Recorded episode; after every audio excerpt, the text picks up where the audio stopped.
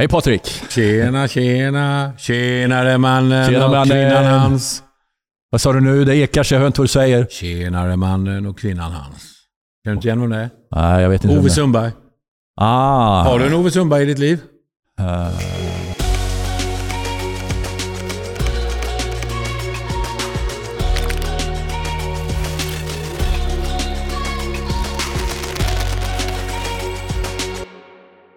Hej och välkommen till Svensk Pionjärmission, våran podd. Patrik heter jag och bredvid mig har jag Mikael Boman.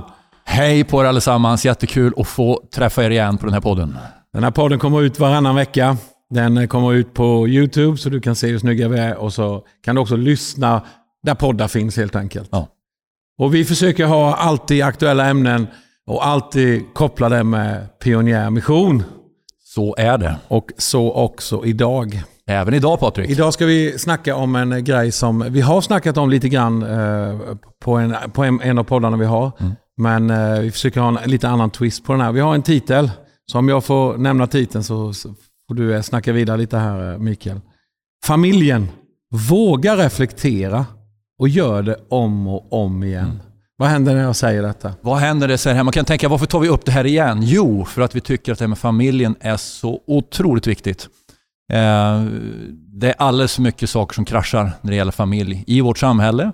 Eh, kyrkan, men också de som jobbar med mission och, och liksom satsar gärna på Guds rike. Så Mm. vi behöver lyfta det här och snacka om det. Mm, verkligen så. Det finns jättemycket att säga och eh, vi vill vara praktiska. Mm. Den här, vi, det är twisten idag. Eh, jag, jag tänkte fråga dig Micke. Eh, du är gift med Tesan sedan hur många år? Har du koll Oj, på det det? borde jag veta. Eh, det är ju nu till eh, sommaren blir det väl ah, 29 år va? Uff, Det, är, det börjar bli en tid. är du inte bara 30? Nej, jag är till och med 35. Jag vet det. Jag tog några fina kort då. När du satt framför alla blommorna bakom ja, det dig. var och fint, så här, det var så vackert. Mycket 70-åringar brukar ha sådana kort. Ja, precis. Men eh, det är Du som så att det var- tidigt. du du som satte upp den där proppen åt mig för du bara skulle få ha något att njuta över. Någon gång ska jag Du har ju tryckt upp det till en stor poster hemma har jag hört. Jajamän. Är Ja, Nej, men du, Mm. du och Tesan, eh, ni har ju en del rutiner, en del ska man säga, regler. Jag vet du nämnde det sist också på, Mm. på, eh, på podden. Så här, vad, vad, vad kan du säga lite mer om det? Nej, men jag, jag, vi tänker ju så här att när det gäller äktenskapet så behöver man, på, på engelskan säger man att vara intentional. Hur ska man säga det? Hur översätter man det på svenska? Får det är en väldigt Alltså, bra vad- fråga. Eller proaktiv, att, att tänka, tänka Ett till. längre. Ta Ja. ett steg längre, tänka till över hur man lever sitt äktenskap. Och Det är lätt liksom att familjen, alltså äktenskapet, ens fru i mitt fall, eh, och eh, ens barn, de får liksom leftovers, det som är kvar efter en. Man är slutkörd, man kommer hem efter jobbet eller efter missionsfältet eller var man nu eh, är någonstans. Va? Och man glömmer bort de som är närmast en i livet. Va? Och, och det här är något som vi känt Gud har varit på oss om angående många gånger. Kanske för att vi själva har slarvat, faktiskt. Eh, Vi sitter inte här liksom och säger åh vi har gjort allting rätt.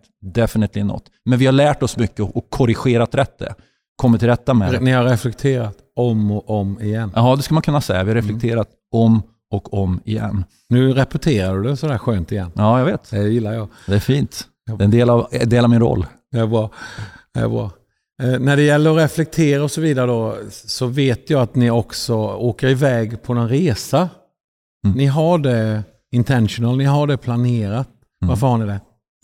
Nej, men vi tänk, försöker tänka som så att vi lägger in de stora stenarna först i röret om man får säga så. Mm. Och då bokar vi in det först i kalendern att vi åker iväg en lång weekend på våren och en på Är det hösten. bara du och Tesan då? Då åker bara jag och Teresa. Så att då är det liksom för att romantiken ska flöda, vi kalibrerar varandra, vi stämmer av liksom var är vi någonstans i livet. Liksom slå våra hjärtan i samma takt rent känslomässigt eh, och, och få tid för varandra. För alla vet ju att det här livet, det samhället vi lever i, det är så busy. Så man, jag tror man behöver den. Inte för dig va? Ja, inte för mig. Själv, hur tänker, hur tänker du och Kikki Jo men så är det. Vi brukar faktiskt säga så här. Och förra podd, po- poddavsnittet vi pratade om det här så var jag ganska ärlig om tokigheterna som jag har gjort när det gäller prioriteringar och vad det kostade oss. Och, och Kikki gick i väggen och vi gjorde om mycket prioriteringar. Idag, jag säger ofta och vi säger ofta att det finaste vi kan ge, vi är pastorer, men vi är också föräldrar.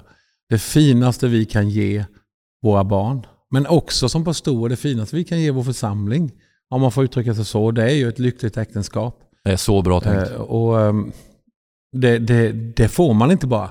Det kommer inte bara automatiskt, utan man måste jobba Vet du vad som på kommer det. automatiskt?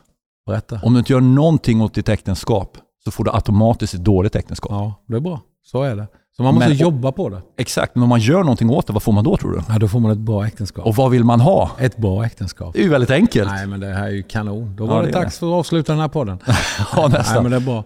Har du några andra tankar du vill lägga in här? Jag det här är en påminnelse till er alla som lyssnar där ute. Att eh, vara rädda om er.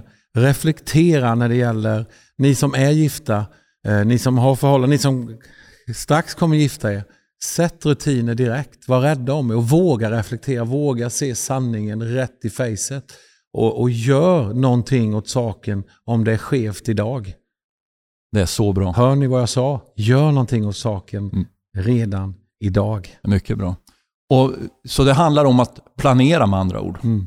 Att vara proaktiv, att vara intentional som man säger på engelska, att man tänker till. Och det finns ett underbart ord på engelska som jag bara älskar. Jag, får jag gissa? För jag kommer ihåg, jag har tittat på våra anteckningar. Oneness. Oneness, precis. Det är otroligt snyggt. Ja, det är ett otroligt underbart ord. Och det är ett fantastiskt sätt som beskriver liksom den äktenskapliga relationen där på ett gudomligt sätt tycker jag.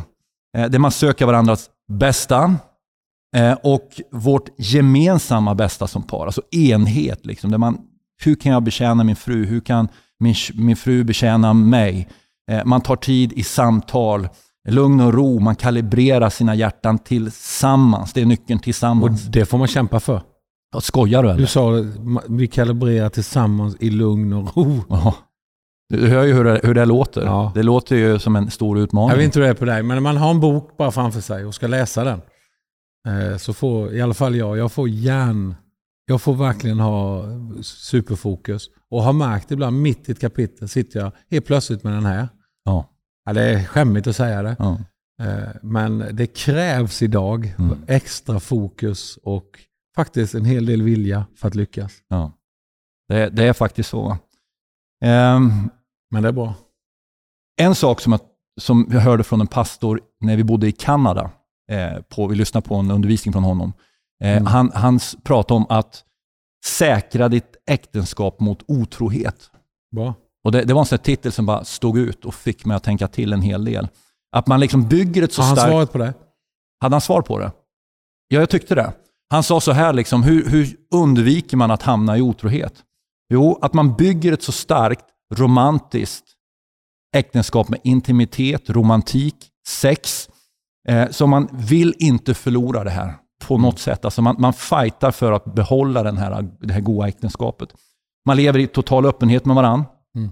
Eh, och, om ögonen faller på någonting, eh, och det måste jag eh, få bekänna öppet här, ibland när man är på Instagram så poppar det upp bilder som, eh, det är inte porr, men det är grejer som man känner, det där fäster jag mitt öga vid för länge.